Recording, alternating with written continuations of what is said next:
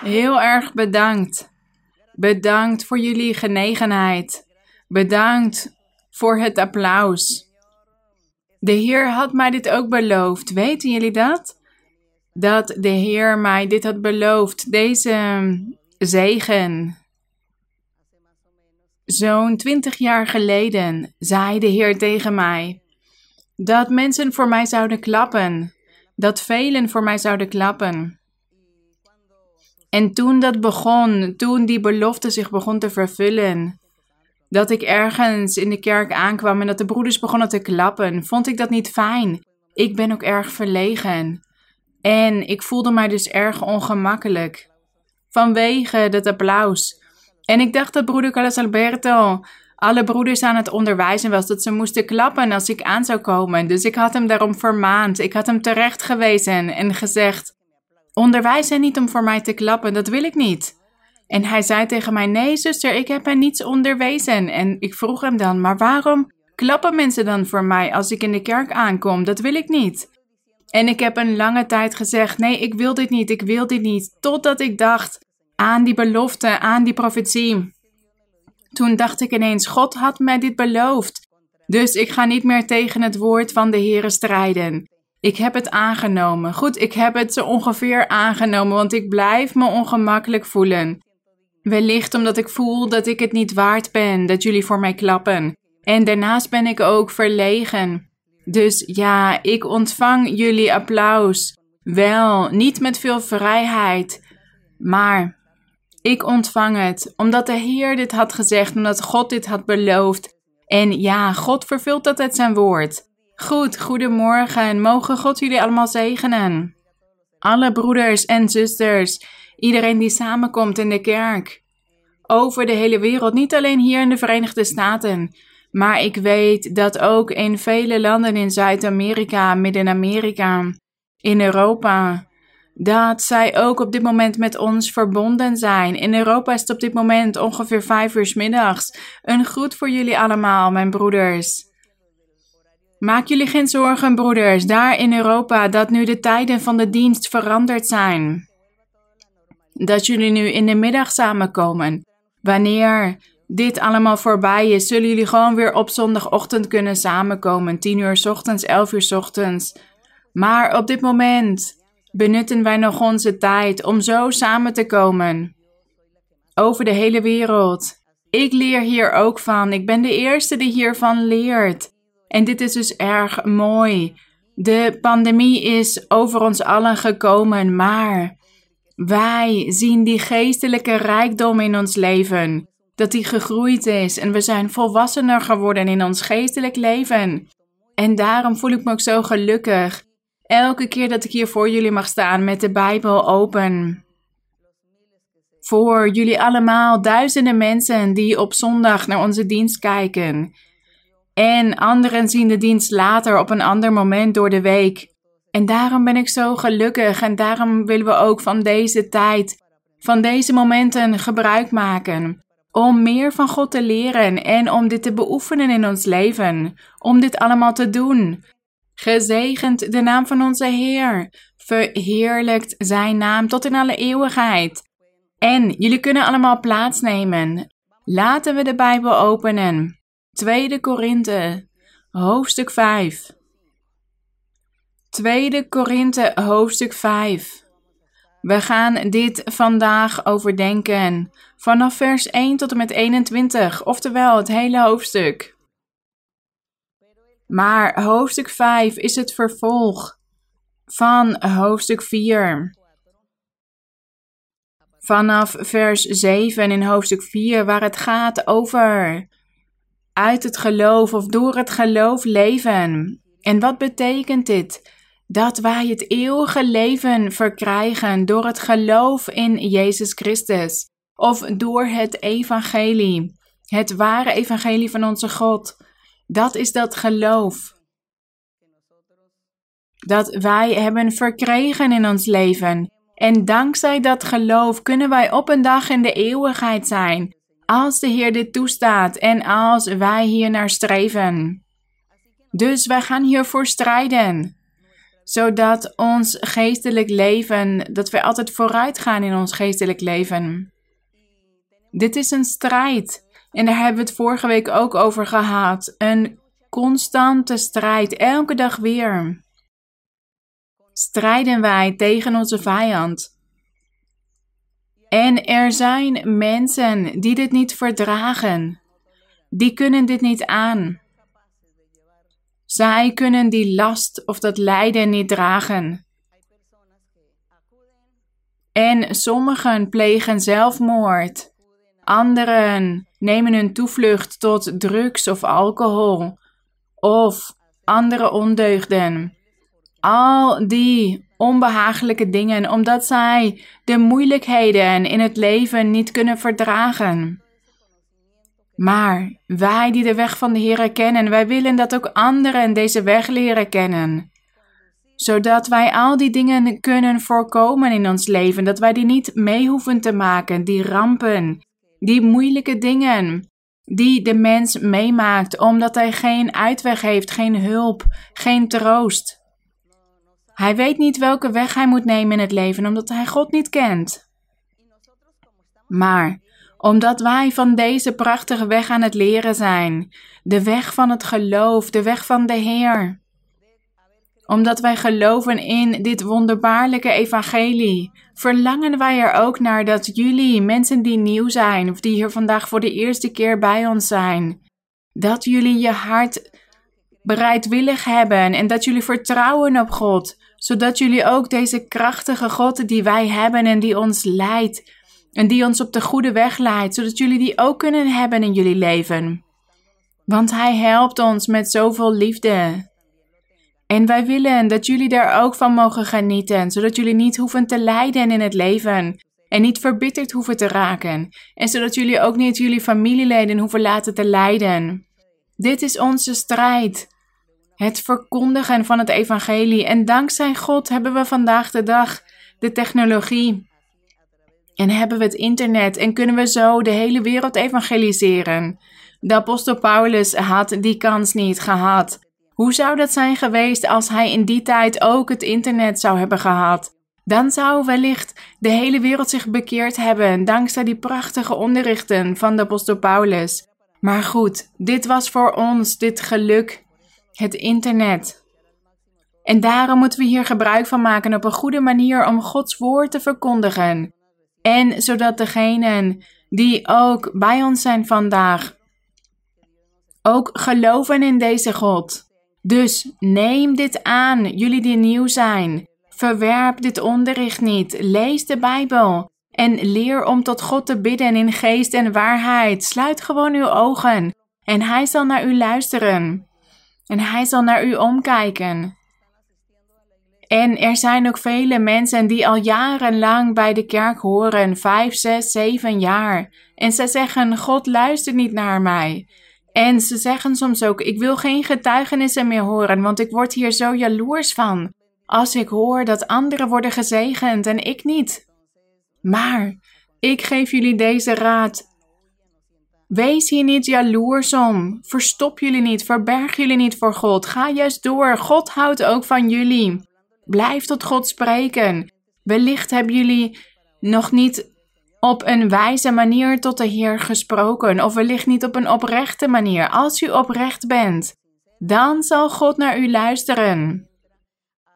Dan zal Hij zijn hand naar u uitstrekken. Want we lezen in de Bijbel dat God zich wendt tot het gebed van de allerarmsten. Hij veracht hun gebed niet, hun gekerm. Hij kijkt altijd naar iedereen, dus laten we doorgaan. 2 Korinthe hoofdstuk 5. In het laatste vers van hoofdstuk 4 hadden we gelezen, vers 18, dat wij niet moeten kijken naar de dingen die wij zien, dat we daar ons geen zorgen over hoeven te maken, maar juist over de dingen die men niet ziet.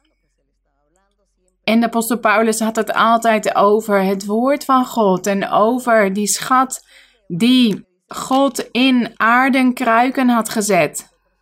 Die aardenkruiken, dat zijn wij. En die schat, dat is het evangelie, het goede nieuws. Het woord van God. De openbaring van de Heilige Geest. Dat is die grote schat die God in aarden kruiken heeft gezet. Oftewel in ons hart, in ons fysieke lichaam. En de apostel zei dat we dat moesten waarderen en dat we door moesten gaan.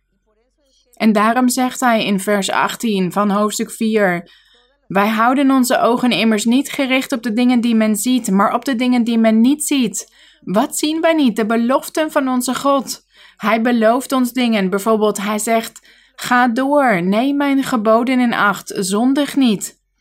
En dan zal je zien dat ik je het eeuwige leven zal geven. Het eeuwige leven in die prachtige stad van edelstenen, waar alleen maar geluk en vrede zal zijn, blijdschap. En God zegt tegen ons: Jullie zullen bij mij zijn, jullie zullen daarvan genieten. Die belofte, dat zien wij nog niet. Wij zien dit niet op een fysieke manier.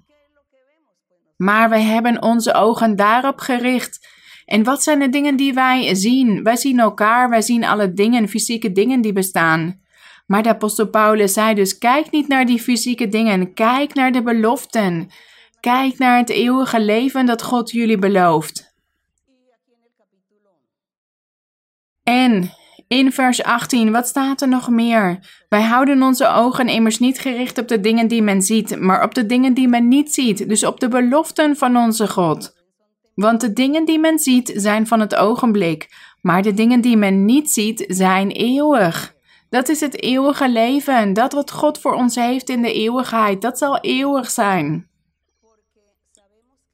Hoofdstuk 5, vers 1. Wij weten immers dat wanneer ons aardse huis, deze tent, afgebroken wordt. Hier waar het gaat over ons aardse huis, dat is ons fysieke lichaam. Dat is deze tent ook, ons aardse huis, wanneer die afgebroken wordt. Ja, Wanneer wij overlijden, wij zullen ophouden te bestaan in dit fysieke lichaam. Wij weten dat wij een gebouw van God hebben, een huis niet met handen gemaakt, maar eeuwig in de hemelen. De glorie zij aan God. Vers 2, want in deze tent zuchten wij ook en verlangen wij er vurig naar met onze woning die uit de hemel is, overkleed te worden. Dat is waar wij naar verlangen dat wij op een bepaalde dag, dat wij ooit dat eeuwige huis in mogen gaan, dat wij daarvan mogen genieten. Vers 3: Als wij maar bekleed en niet naakt zullen bevonden worden. In deze wereld, wij wonen hier in een fysiek lichaam. En hier staat dat wij bekleed moeten zijn. Ja, fysiek gezien zijn wij bekleed. Maar ons geestelijk leven moet ook bekleed zijn. God kleedt ons op een geestelijke manier.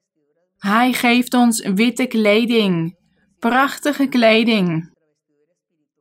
Op een geestelijke manier, dat zijn de gaven, de geestelijke gaven, waarden, vruchten van de geest. Alles wat God ons geeft, dat zijn die kleden voor ons, die kleding. Hij wil dat wij bekleed zijn en niet naakt. En daarom zijn er ook mensen die soms dromen dat ze iemand zien die naakt is. Dat betekent dat die persoon op een geestelijke manier naakt is. Dat die persoon dus slecht leeft in de ogen van God, dat hij in zonde leeft. En we hebben het nu over gelovigen van de kerk. We hebben het niet over mensen die niet bij de kerk horen.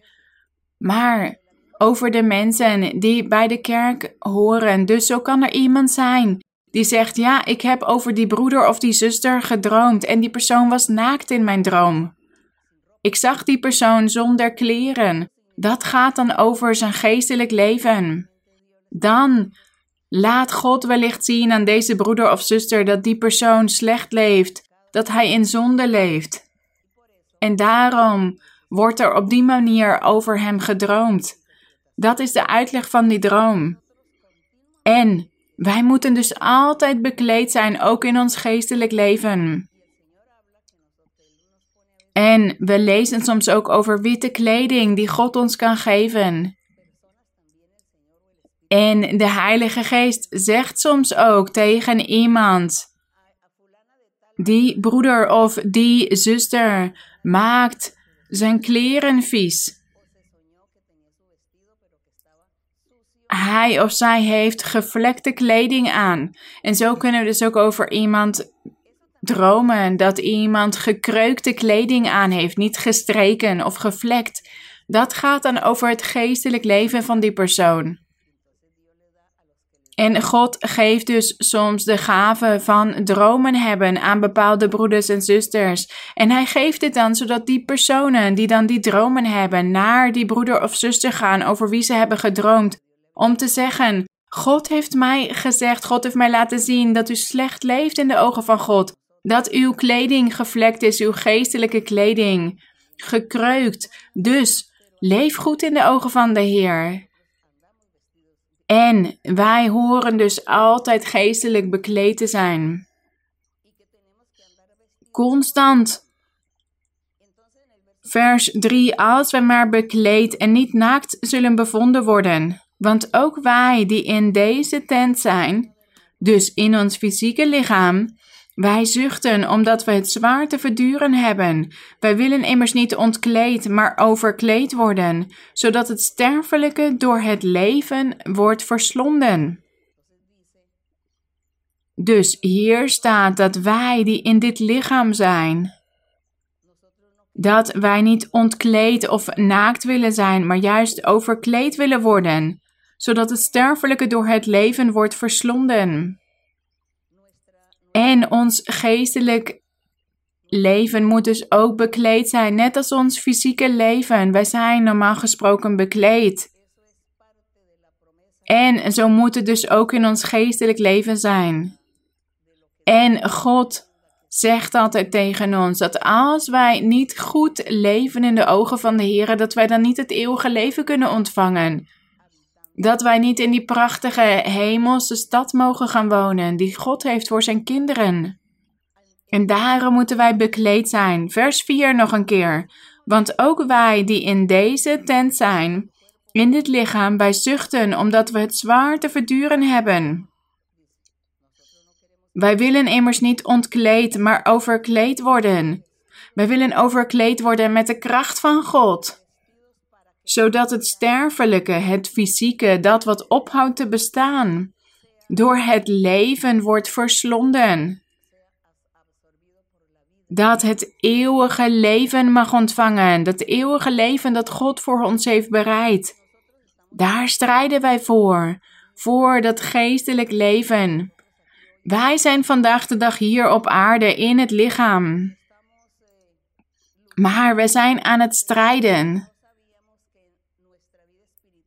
En onze geest, ons geestelijk leven moet dus ook bekleed zijn. Wij wisten dit wellicht niet. Maar wij moeten bekleed zijn, ook op een geestelijke manier. En wanneer gebeurt dit? Als wij tot inkeer zijn gekomen en afstand hebben genomen van de zonde. Als wij dit leven blijven leven, een heilig leven tot de laatste dag van ons leven, dan zullen we altijd bekleed zijn. Dat is de strijd die wij elke dag hebben. Wie kleedt ons? Vers 5. Hij nu die ons hiervoor heeft toegerust is God, die ons ook het onderpand van de geest gegeven heeft. Dus hier staat dat de Heer ons het onderpand van de Heilige Geest heeft gegeven zodat de Heilige Geest in ons leeft, in ons hart woont. En het is dus de Heilige Geest die ons bekleedt. Hij zorgt ervoor dat wij bekleed zijn, dat wij prachtige kleding aan hebben. En de Heer zegt altijd tegen ons dat Hij ons met nieuwe kleding zal bekleden. En de Heilige Geest is het die dat werk in ons doet. Hij bekleedt mannen en vrouwen wanneer zij een bereidwillig hart voor God hebben. En wanneer zij er naar streven om te veranderen, om de zonde af te leggen. Wanneer zij er naar streven om de zonde af te leggen, dan beginnen ze een heilig leven te leiden met de hulp van God. En dan zal de Heilige Geest in die persoon gaan wonen. En als de Heilige Geest in het hart van die persoon begint te wonen, dan begint die persoon vruchten voor te brengen. En dan begint hij die prachtige geestelijke kleding te krijgen. Dan begint hij overkleed te worden. En dat is het onderpand dat God ons heeft gegeven. Het onderpand. Zo zegt God tegen de mensheid. Of tegen de mensen, tegen mannen en vrouwen. Hoorders van het woord van God. Hij zegt: Ga door, geloof in mij. Ik zal jullie veranderen. Ik zal jullie vernieuwen. Ik zal jullie hart veranderen. Ik zal die zondige tendentie uit jullie wegnemen. En als jullie kleding vies is geworden, gevlekt, ik zal het wit maken. Ook al is het zo rood als karmozijn.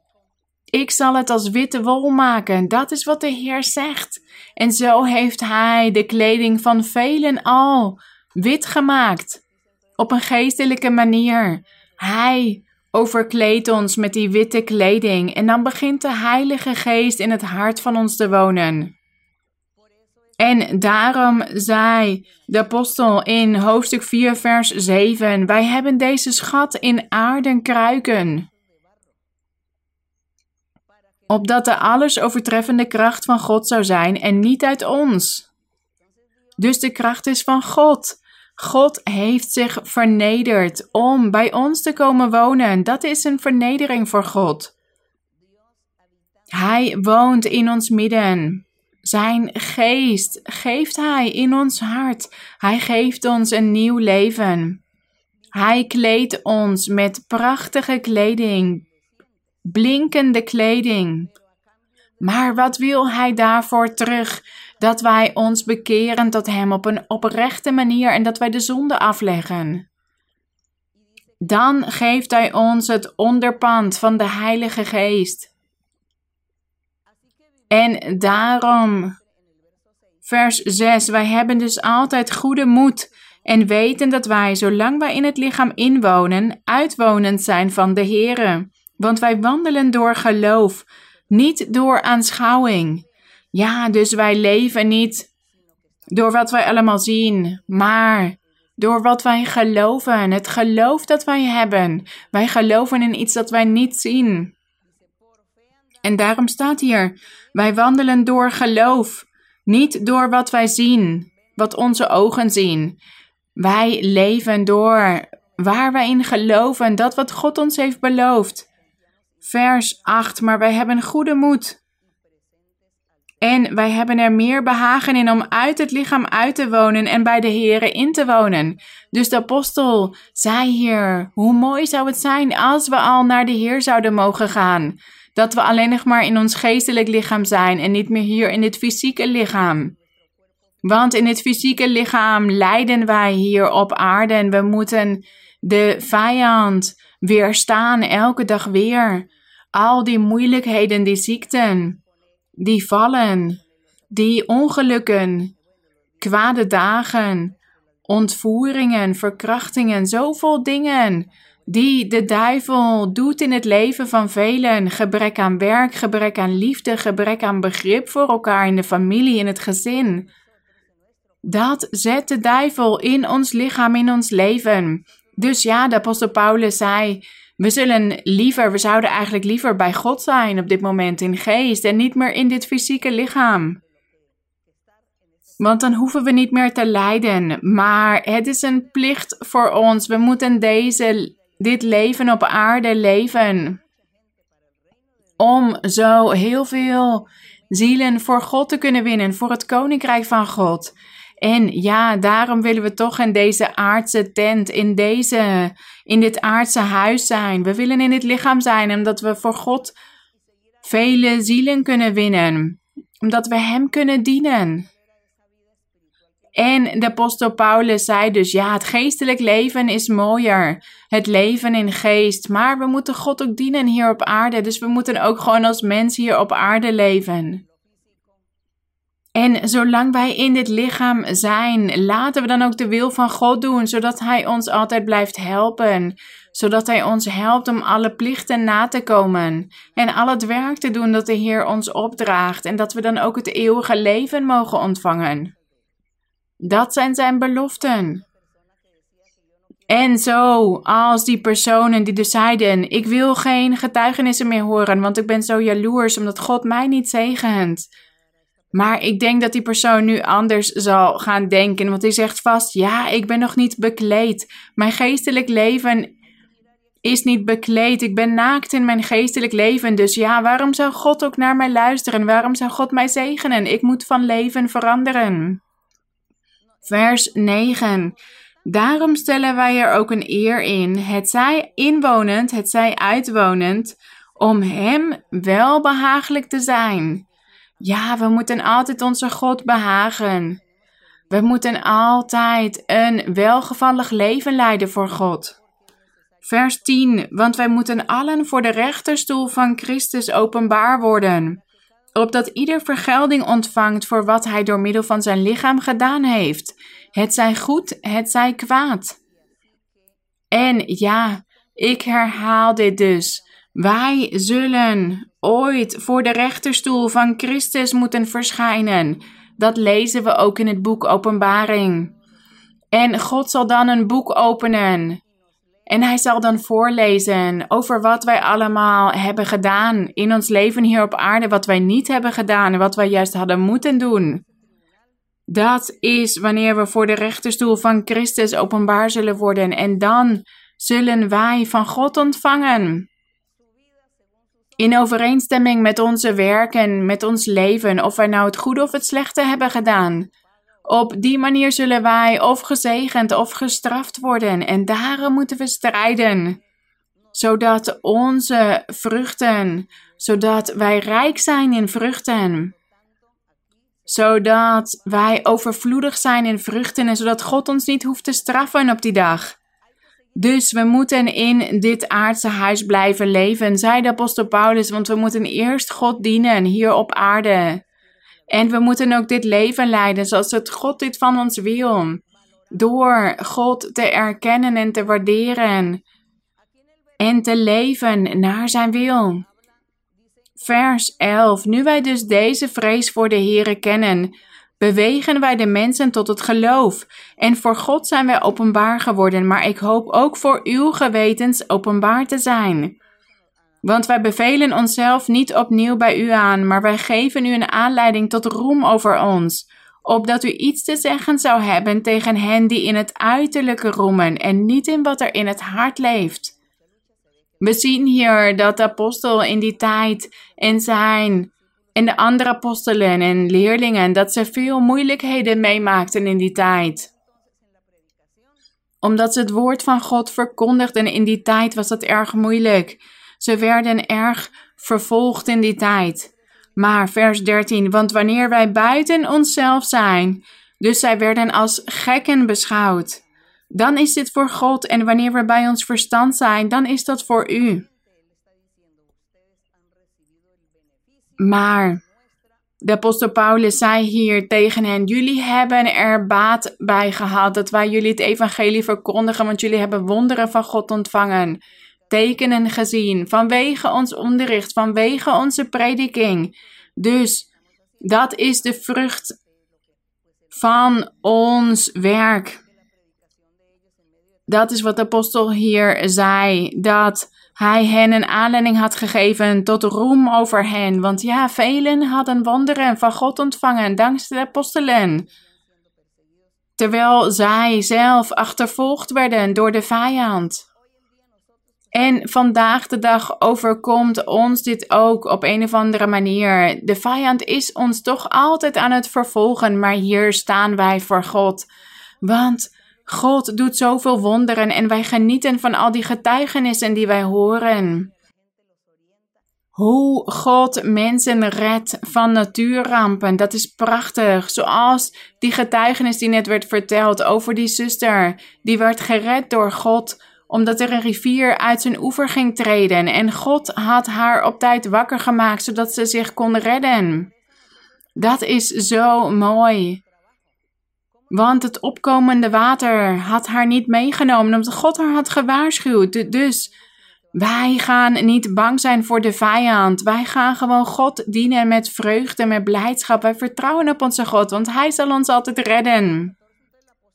Vers 14. Want de liefde van Christus dringt ons, die tot dit oordeel gekomen zijn. Als één voor allen gestorven is, dan zijn zij allen gestorven. En hij is voor allen gestorven, opdat zij die leven niet meer voor zichzelf zouden leven, maar voor hem die voor hen gestorven en opgewekt is. Dus ja, wij worden geboren en wij leven en wij sterven voor God. Alleen voor God. Dat is wat God van ons wil, dat wij voor Hem leven.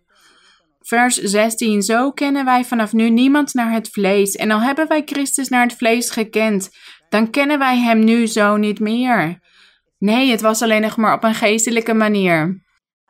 Net zoals wij vandaag de dag. Er zijn mensen die vandaag de dag zeggen: Wat mooi in die tijd van de apostelen. Ze waren welzalig dat ze de Heer Jezus Christus fysiek hadden kunnen leren kennen. Dat ze Hem hadden kunnen zien. Maar de apostel Paulus zegt hier: Nee, het is beter om die geest, die God in geest en waarheid te kennen. Want op die manier moeten wij ons geloof laten zien. Op die manier moeten wij laten zien dat wij op Hem vertrouwen, ook al zien wij Hem niet. Dat is het geloof.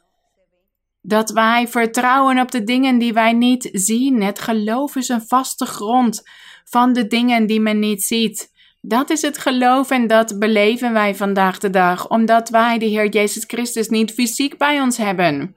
En in die tijd, toen de Heer Jezus Christus op de aarde was, was er een van de leerlingen, Thomas, die zei toen tegen hem, toen de Heer was opgewekt uit de dood. Hij zei toen: Ik moet de Heer met mijn eigen ogen zien en ik moet hem aanraken, want anders geloof ik niet dat hij is opgestaan uit de dood. En dit behaagde God niet in die tijd, want hij zei: Waarom heb je niet geloofd wat ik je allemaal heb verkondigd? Heb je niet genoeg tekenen en wonderen gezien? Waarom geloof je niet gewoon? Waarom moet je het zien en waarom moet je me aanraken? Raak mij dan aan. Dat is wat de Heer tegen hem zei. Maar hij was God op de proef aan het stellen met deze woorden. Wij geloven vandaag de dag in de Heer, ook al zien wij Hem niet. Wij zien Hem niet op een fysieke manier, maar wij voelen Hem in ons leven en wij zien Zijn wonderen, Zijn tekenen. Wanneer God spreekt tot iemand in een droom, zoals deze zuster, dat God tegen haar zei: de rivier gaat uit zijn oever treden en je zal meegenomen worden door het opkomende water als je niet wakker wordt. Dat is toch prachtig dat God ons op die manier helpt, dat Hij ons zegent. We hoeven God niet op een fysieke manier te zien. Een droom is genoeg of dat Hij in profetie tot ons spreekt. Door middel van de Heilige Geest spreekt Hij tot ons. Hij gebruikt een mens, een persoon om tot ons te spreken en wij zien dat het allemaal vervuld wordt en daarom voelen wij God in ons leven en wij zien Hem op een geestelijke manier. En dat is wat de apostel Paulus hier wilde onderwijzen. En dat het niet belangrijk is dat we fysiek bij de Heer zijn geweest.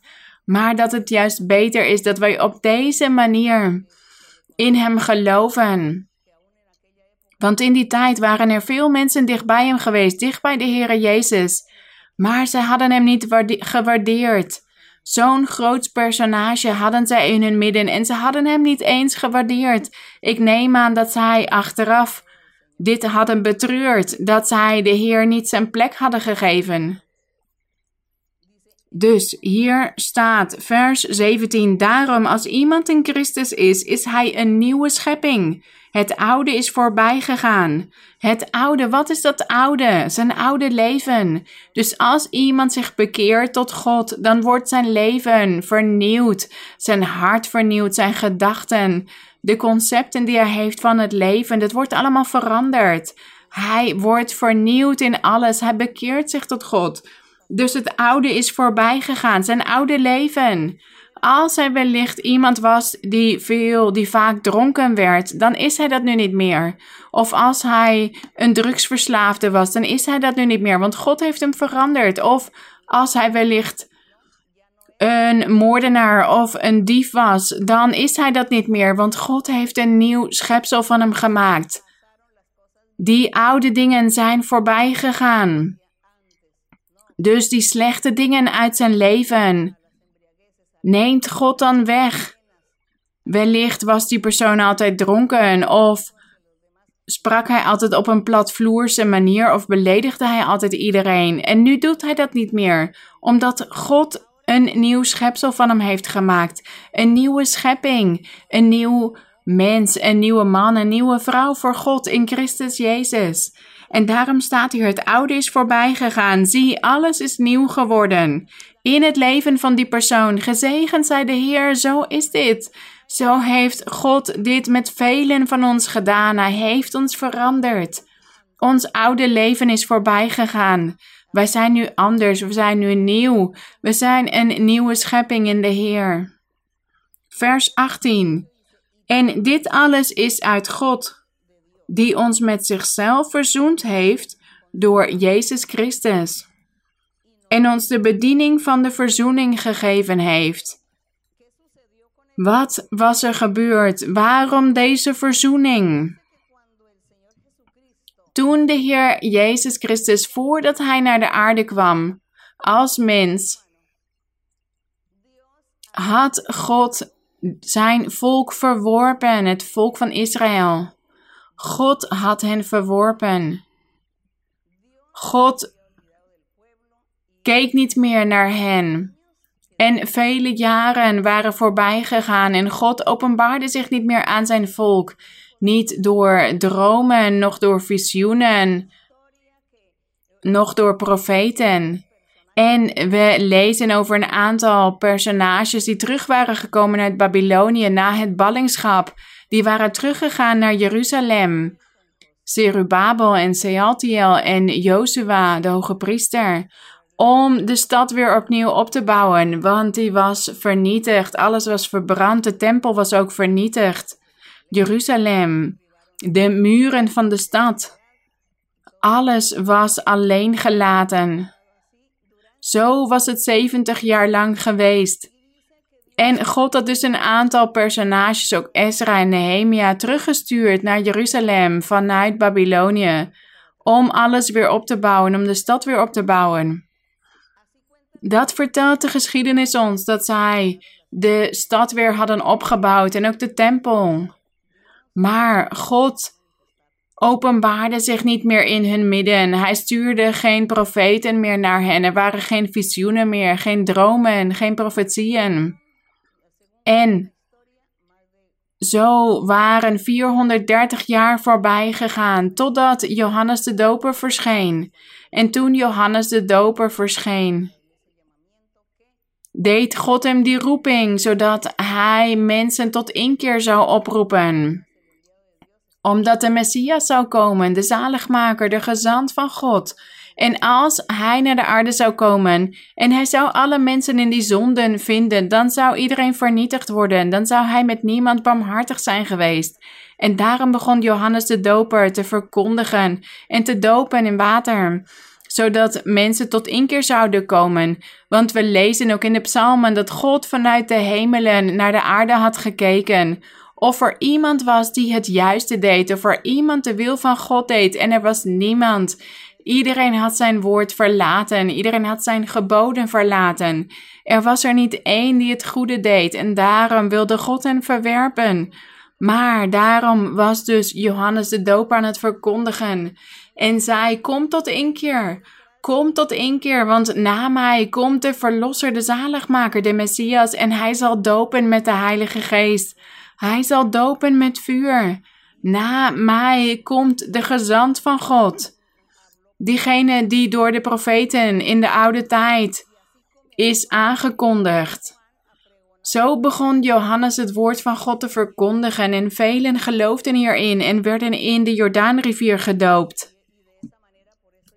En daarom was God dus barmhartig geweest. Toen de Messias uiteindelijk verscheen op de aarde, was hij met een aantal mensen barmhartig geweest, omdat ze in hem hadden geloofd. En Zo zagen ze dat het koninkrijk der hemelen dichtbij was gekomen, nabij was gekomen. Nadat het volk van God verworpen was geweest door God. En hier staat dus in vers 19: God was het namelijk die in Christus de wereld met zichzelf verzoende en aan hen hun overtredingen niet toerekende. Hier staat dat hij de wereld met zichzelf verzoend had. Dat is dus wat ik net had verteld, dat iedereen was verworpen door God. Niemand leefde meer voor het aangezicht van God. Maar de Heer Jezus Christus was dus naar de aarde gekomen om de mensheid weer met God te verzoenen. En laten we dus nog een keer vers 18 lezen. En dit alles is het God die ons met zichzelf verzoend heeft door Jezus Christus en ons de bediening van de verzoening gegeven heeft. Dus Jezus Christus was het die de bediening van de verzoening had gegeven. Het goede nieuws van verlossing, de goede tijding, de nieuwe methode van verlossing. Die had God gegeven om de mensheid te redden. Want in de oude tijd was het de wet van Mozes die iedereen moest redden. Maar dat was opgehouden op het kruis van Golgotha. Op dat moment toen de Heer was gekruisigd, was de wet van Mozes niet meer die methode van verlossing. Niemand kon meer verlost worden door de volledige wet van Mozes in acht te nemen. Dit kan nu niet meer, dit zal ook nooit meer gebeuren. Want die, deze bediening van de verzoening, dat is het evangelie van de Heer Jezus Christus. En nu is de methode van verlossing door de Heer Jezus Christus. Alleen door de Heer Jezus Christus. Alleen Hij kan het eeuwige leven geven. Dat is het ware evangelie, het goede nieuws. Geloven in Christus als de Zoon van God en als God zelf. Die dat offer heeft gebracht, zijn eigen bloed heeft vergoten. Om vergeving van zonden te schenken aan degenen die in Hem geloven. Dat is de bediening van de verzoening. Het evangelie, het goede nieuws van verlossing. Wij danken onze God hiervoor. Wij danken onze Vader voor al deze dingen die Hij ons geeft. Vers 19. God was het namelijk die in Christus de wereld met zichzelf verzoende. Dat was die bediening van de verzoening. God was het namelijk die in Christus de wereld met zichzelf verzoende. En aan hen hun overtredingen niet toerekende. En hij heeft het woord van de verzoening in ons gelegd. In de apostelen, de evangelisten, herders, predikers, leraars. Die in die tijd bestonden, de apostelen, de profeten. Hij zegt, hij heeft het woord van de verzoening in ons gelegd. Hij heeft ons deze taak gegeven. Laat u met God verzoenen, verkondigden zij. En vandaag de dag verkondigen wij ook ditzelfde woord van verzoening. Want vandaag de dag zijn er ook vele mensen. Wellicht is er iemand vandaag bij ons voor de eerste keer en die heeft altijd in een bepaalde zonde geleefd. Of dit nou een grote of een kleine zonde is. Want sommige mensen zeggen dat er grote of kleine zonden zijn, maar alle zonden zijn slecht. Want soms zijn er mensen die zeggen dat overspel plegen erger is dan liegen, maar dat is hetzelfde. Het is allebei een zonde. Het is allebei slecht voor God. Het is allebei, het schaadt geestelijke levens. Het vernietigt. Als iemand liegt, dan vernietigt hij geestelijke levens. Dus de zonden, alle zonden zijn even schadelijk. Wij kunnen niet zeggen dat sommige zonden groot zijn en andere klein. Of sommigen erg en andere minder erg. We moeten alle zonden afleggen, zodat God, zodat wij ons met God kunnen verzoenen en zodat God niet meer boos op ons is, op de mensheid. Vanwege de zonde van de afgoderij is hij zo boos op de mensheid en daarom moeten wij ons met God verzoenen. Dat is wat hij hier zei. God was het namelijk die in Christus de wereld met zichzelf verzoende. En hier staat dat hij dus hen hun overtredingen niet toerekende. Hij zei: Goed, Ik zal jullie zonden niet meer bekijken. Zondig niet meer. Volg mij en zondig nu niet meer. Leg al die zonden af. 100 zonden, 200, 300 zonden die je in je leven hebt. Leg die allemaal af. Volg mij. Zondig niet meer. Ik vergeef het je. Laten we de rekeningen vereffenen. We doen alsof je niets hebt gedaan en beginnen opnieuw. Laten we ons verzoenen. Jij bent mijn zoon, je bent mijn dochter. Dat is wat God tegen ons zegt. Dat is het woord van de verzoening. En de apostel en zijn en de medearbeiders. Degene die het evangelie van de Heer verkondigen, die hadden dus die taak ontvangen van God om het woord van de verzoening te verkondigen, om de wereld, de mensheid te verzoenen met God. Dus kijk, wij hebben, wij zijn op een bepaalde manier ook instrumenten in de handen van onze God en Hij heeft ons geestelijke gaven gegeven. De gaven van handoplegging, de gaven van dromen, de gaven van visioenen. Dus Ieder van ons, wij hebben allemaal een plicht die we moeten nakomen. Wij moeten bijvoorbeeld onze buren, onze vrienden, onze familieleden verzoenen met God, onze collega's, onze medestudenten. We moeten hen verzoenen met God. En hoe doen wij dit? Door over God te spreken, door te zeggen: Kijk, God bestaat. God spreekt. God spreekt. Ja, we hebben de Heilige Geest in ons midden. Geestelijke gaven. God spreekt door middel van de profetie. De gave van de profetie. Dus ga naar de kerk waar ik samenkom. En dan zul je zien. Je zult het zelf meemaken. Je zult het zelf begrijpen. Wat doen wij dan? Dan zijn wij andere mensen met God aan het verzoenen. Die persoon die zonder God leefde, leeft dan ineens met God. Dat is dus ook die bediening van de verzoening. Dat is ook voor ons vandaag de dag. Onze plicht. De apostel Paulus had in die tijd een grote groep mensen die samen met hem werkten.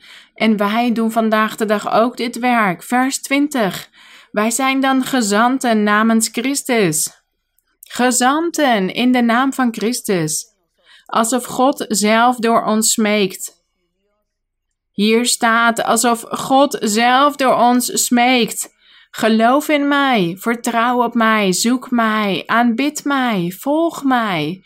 Alsof God door middel van ons zou smeken. Hij doet dit door middel van zijn dienaars. Degene die hem dienen, die het woord van God verkondigen, die werken om God te verzoenen met vele mensen. En hier staat dus alsof God zelf door ons smeekt.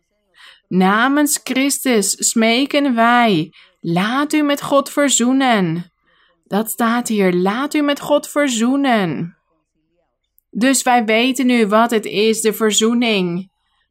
Laat u met God verzoenen. Hoeveel mensen zijn er wel niet die in de kerk samenkomen? Hoeveel komen al vijf of tien of vijftien of twintig jaar lang met ons samen, maar ze hebben zich nog steeds niet verzoend met God? Waarom? Omdat ze nog steeds in zonde leven. Omdat ze niet tot inkeer zijn gekomen. Ze komen naar de kerk toe omdat ze dit fijn vinden, omdat ze dit leuk vinden omdat ze de muziek mooi vinden of omdat ze het fijn vinden om profetie te ontvangen. En zeggen dan, ja, God zegt tegen mij van die prachtige dingen in profetie. Maar ondertussen blijven ze in die zonde leven. Dus die persoon heeft zich dan nog niet laten verzoenen met God. Hier staat, laat u met God verzoenen. En de mensen die hier voor de eerste keer zijn vandaag, die bij ons zijn, welkom allemaal. Laat jullie ook met God verzoenen.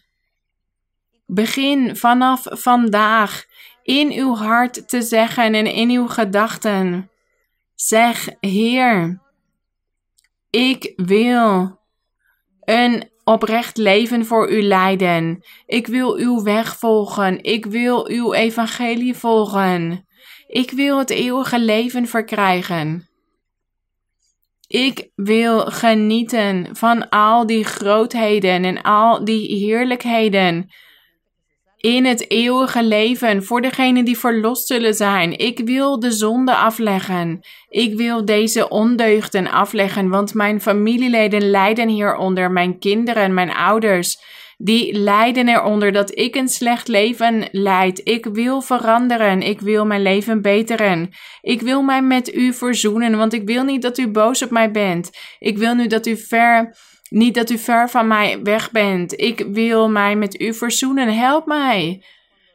En als God in u die oprechtheid in uw hart ziet, dan zegt hij: Ja, ik ga hem veranderen. Ik ga hem helpen. Omdat hij mij dit vraagt met een oprecht hart. Omdat die persoon er echt naar verlangt om dit allemaal te doen. Dus laat u met God verzoenen. Ik denk dat wij allemaal dit vers zo vaak hadden gelezen. Maar wij hadden hier nog nooit zoveel aandacht aan geschonken. We hadden niet naar het belang van dit vers gekeken. De apostel Paulus zegt hier dus: Wij zijn dan gezanten namens Christus, degene die het woord van God verkondigen. Alsof God zelf door ons smeekt. Namens Christus smeken wij. Laat u met God verzoenen. En er is ook een loflied over de zaken van de koning, waarin we zingen: Laat u met God verzoenen. En als wij dit loflied weer gaan zingen, dan zullen wij weer denken aan dit onderricht. En dat is die verzoening is dat wij van God houden met heel ons hart, met heel onze ziel. En dat we de zonde afleggen. Dat wij ons werkelijk bekeren tot God. Vers 21, want hem die geen zonde gekend heeft, heeft hij voor ons tot zonde gemaakt, opdat wij zouden worden gerechtigheid van God in hem. En de plicht is dus om het woord van God te verkondigen. Want zo kunnen er mensen zijn die zeggen: Ja, ik Neem alle geboden van God in acht, zoals die jonge man die tot de Heer Jezus sprak en die zei: Ik heb al deze dingen in acht genomen vanaf mijn jeugd, van jongs af aan. Maar de Heer zei tegen hem: Ja, je hebt veel geboden in acht genomen van jongs af, maar je bent hebzuchtig. Het ontbreekt je nog aan iets. Je bent hebzuchtig. Verkoop alles wat je hebt en geef het aan de armen. En die jonge man ging toen verdrietig weg. Waarom? Omdat hij hebzuchtig was. Hij had geen liefde voor de naaste en hij wilde niet delen en hij wilde niet vrijgevig zijn. Dus zien jullie wel, hij had zich ook niet verzoend met God. Dat is het. En het kan dus zijn dat een persoon wellicht niet weet dat hij een bepaalde zonde begaat. Net als deze jonge man die tot de Heer had gesproken, die zei: Ja, ik neem alle geboden in acht, wat ontbreekt het mij nog aan? Hij had het niet door, hij kende zijn zonde niet. Hij had niet door dat hij hebzuchtig was en dat hij niet barmhartig was. Hij kende zichzelf nog niet goed genoeg. Die zonden die voor hemzelf verborgen waren, hij had het zelf nog niet ontdekt. En daarom moeten wij het woord van God verkondigen, de evangelisten, degenen die evangeliseren die moeten onderwijzen, zodat mensen weten dat die weg niet de weg naar het eeuwige leven is. Dat ze zeggen tegen die persoon: nee, dat is niet de weg naar het eeuwige leven, die weg die u aan het belopen bent. Want u zegt dat u de wet van Mozes aan het vervullen bent. Maar wat, waar ontbreekt het u nog aan? Dat u in de Heer Jezus Christus gelooft. Dat Hij de enige weg is naar het eeuwige leven. U moet nog in Hem geloven. Dus degenen die de wet van Mozes doen, zij moeten ook in de Heer Jezus Christus geloven. En dat moest dus onderwezen worden ook in die tijd. Ze moesten de Heer Jezus Christus aannemen als de Verlosser.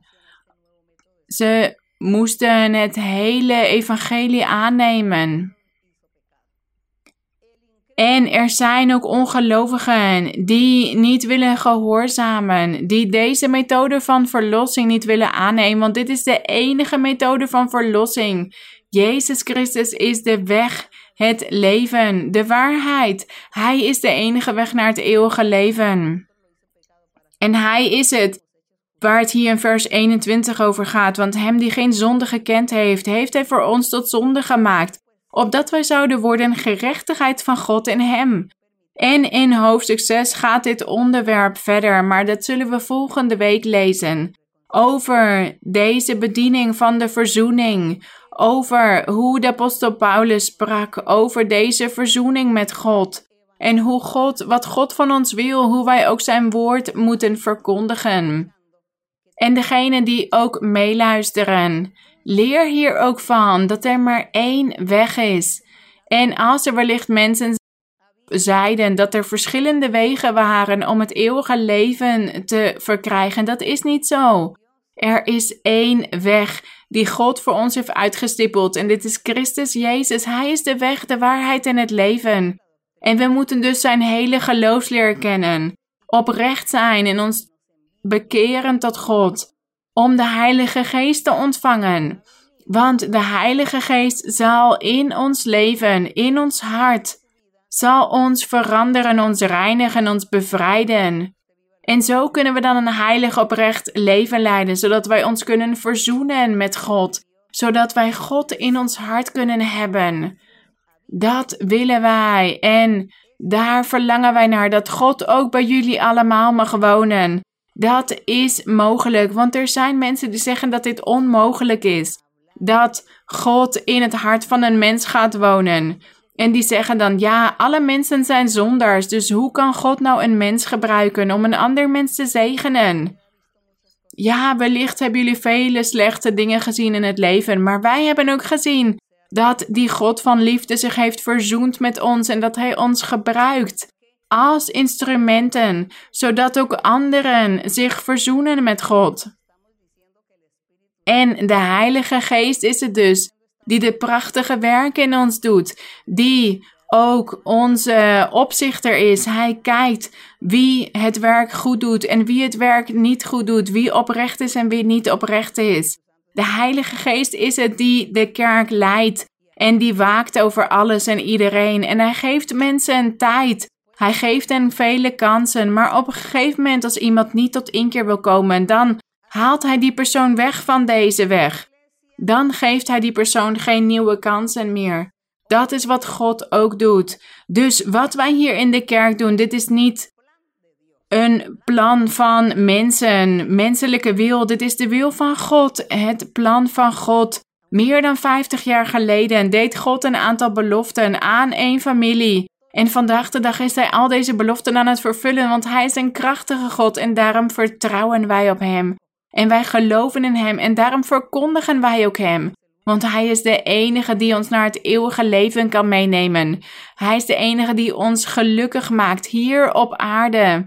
En ons gelukkig kan maken in de eeuwigheid. Hij maakt een nieuw schepsel van ons.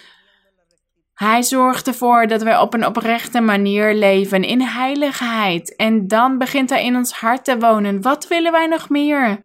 Wat willen wij nog meer, mijn broeders en ook degenen die hier voor de eerste keer bij ons zijn? Open jullie hart voor God en laat u zich met God verzoenen. Mogen God jullie allemaal zegenen en laten we gaan bidden tot onze Vader. Gezegende Hemelse Vader, wij danken u, eeuwige God.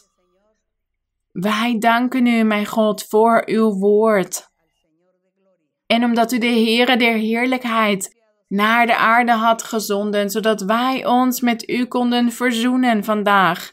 Wij danken u, mijn Heer, want dankzij Hem kijkt u naar ons. Dankzij Hem bent u barmhartig met ons en daarom luistert u naar ons. Daarom strekt u uw krachtige hand naar ons uit om ons te zegenen, om ons te bevrijden, om ons te leiden en raad te geven. U kijkt naar ons om. En we danken u daarvoor. En onze gebeden zijn niet te vergeefs, nutteloos, want u luistert naar ons. U kijkt naar onze situatie, naar ons leven, naar de moeilijkheden in ons leven, naar onze angsten, ons verdriet, onze wellicht een ziekte die in ons is. U ziet alles, mijn Heer. Heilige Vader. En daarom vraag ik u ook, mijn Heer, omdat u die God van liefde bent van barmhartigheid, van vergeving. U bent die krachtige God die geneest en bevrijdt en reinigt. Het hart van de mensen, het leven van de mensen. U bent die krachtige God. Wij danken u, Heilige Vader. Want u, wanneer wij u vragen om uw hand uit te strekken over degenen die ziek zijn, degenen die pijn hebben in hun fysieke lichaam, wanneer wij voor hen bidden dat u die pijn wegneemt, dat u die ziekten wegneemt en dat u luistert naar degenen die tot u bidden en die u om barmhartigheid vragen. U luistert naar ons en daar danken wij u voor. Kijk naar de pijn in iedereen. Kijk naar het werk van de duivel. Neem die ziekten weg. Verhoor de gebeden van degenen die tot u bidden voor genezing, om wonderen van u te ontvangen, tekenen te zien. En verhoor ook het gebed van degenen die tot u bidden om beschermd te worden door u, om een baan te ontvangen van u, een woning, om beschermd te worden tegen welk gevaar dan ook, welke dreiging. Wat de vijand ook doet in hun leven om hen te vervolgen, om hen kwaad te doen, om hun geloof af te nemen, af te breken. Wees barmhartig met al deze mensen, mijn Heer. Strek uw krachtige hand uit over iedereen. En ook over degenen die slachtoffer zijn geworden van hekserijen, toverijen, van die vervloekingen van de duivel, van toverspreuken. Want de duivel gebruikt kwade mensen om andere mensen pijn te doen. Breek al die ketens, mijn Heer, verbreek die banden. Vernietig het kwaad en verhoor het gebed van iedereen die u aanroept, mijn Heer. Mijn Vader, uit uw barmhartigheid, uit uw liefde vragen wij u, want u bent die God van liefde en van kracht. En wij weten dat uw barmhartigheid voor eeuwig is. Al uw beloften zijn betrouwbaar en waarachtig en worden in ons leven vervuld. En daarom vragen wij u, mijn om ons te verhoren, om iedereen te bevrijden en te genezen. We danken u, Heilige Vader. En wij vragen u dit allemaal in de heerlijke naam van uw Zoon, de Heer Jezus Christus. Wij vragen u al deze dingen in zijn naam, mijn Heer. Wij danken u omdat u naar ons luistert. De Eer en de glorie zij aan u, mijn Heer. In de naam van Christus Jezus. Amen. De glorie zij aan de Heer. Laten we koor 101 zingen. Niet aan ons, Heer en God. Niet aan ons. De eer is niet aan ons, maar aan Hem. Koor 101.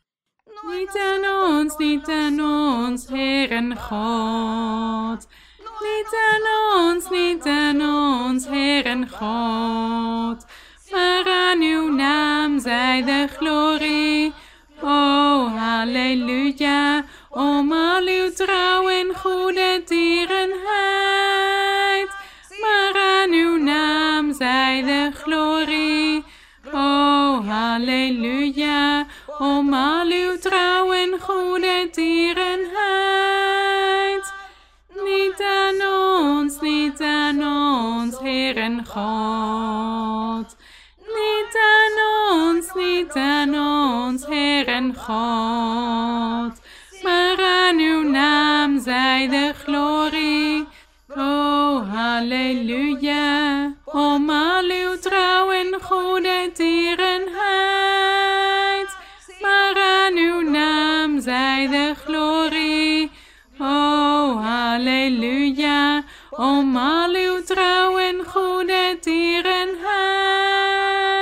De eer zijn onze Heer. Mogen God jullie allemaal zegenen. En mijn excuses voor mijn stem die ik af en toe kwijtraak. Dat zijn de ziekten van vandaag de dag. Goed, bid ook voor mij. Bid ook voor mij, broeders. Mogen God jullie allemaal zegenen. Ik hou van jullie met heel mijn hart. En ook voor de kinderen vele groeten, vele omhelzingen. Dank jullie wel. Mogen God jullie zegenen.